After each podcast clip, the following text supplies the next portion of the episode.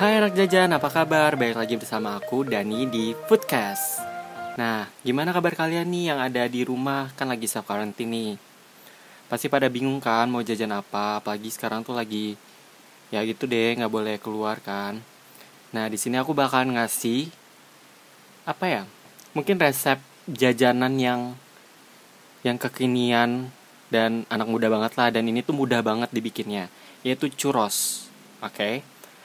Oke daripada kita nunggu lama mendingan langsung aja kita coba bacain resepnya oke yang pertama itu ada 40 gram mentega 125 ml air 1 sendok teh gula pasir sejemput garam 75 gram tepung terigu 1 butir telur dan untuk bahan taburannya itu ada satu sendok teh kayu manis bubuk dan tiga sendok makan gula kastor.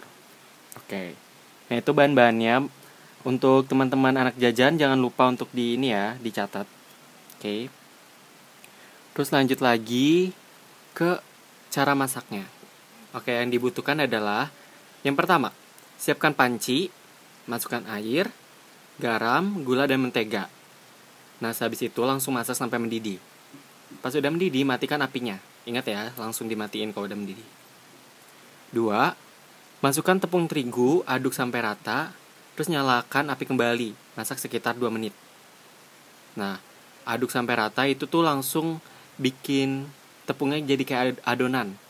Jadi tuh nggak cair ya teman-teman. Terus yang ketiga, kalau misalnya udah kayak bentuknya kayak adonan, itu langsung didinginin aja.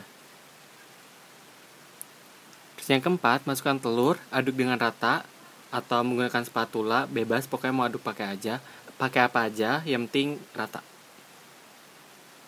5.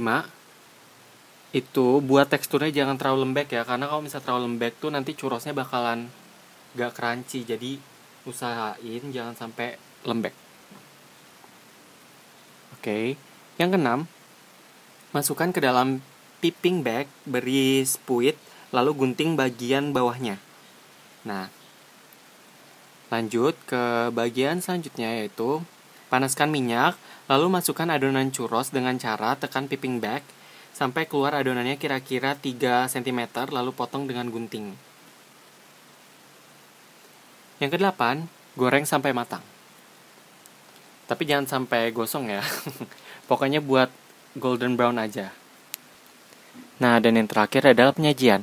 Setelah kalian goreng, langsung tiriskan, dan setelah itu tunggu sampai agak hangat, baru kalian bisa langsung kasih topping yang kalian inginkan, seperti gula kastar ataupun kayu manis.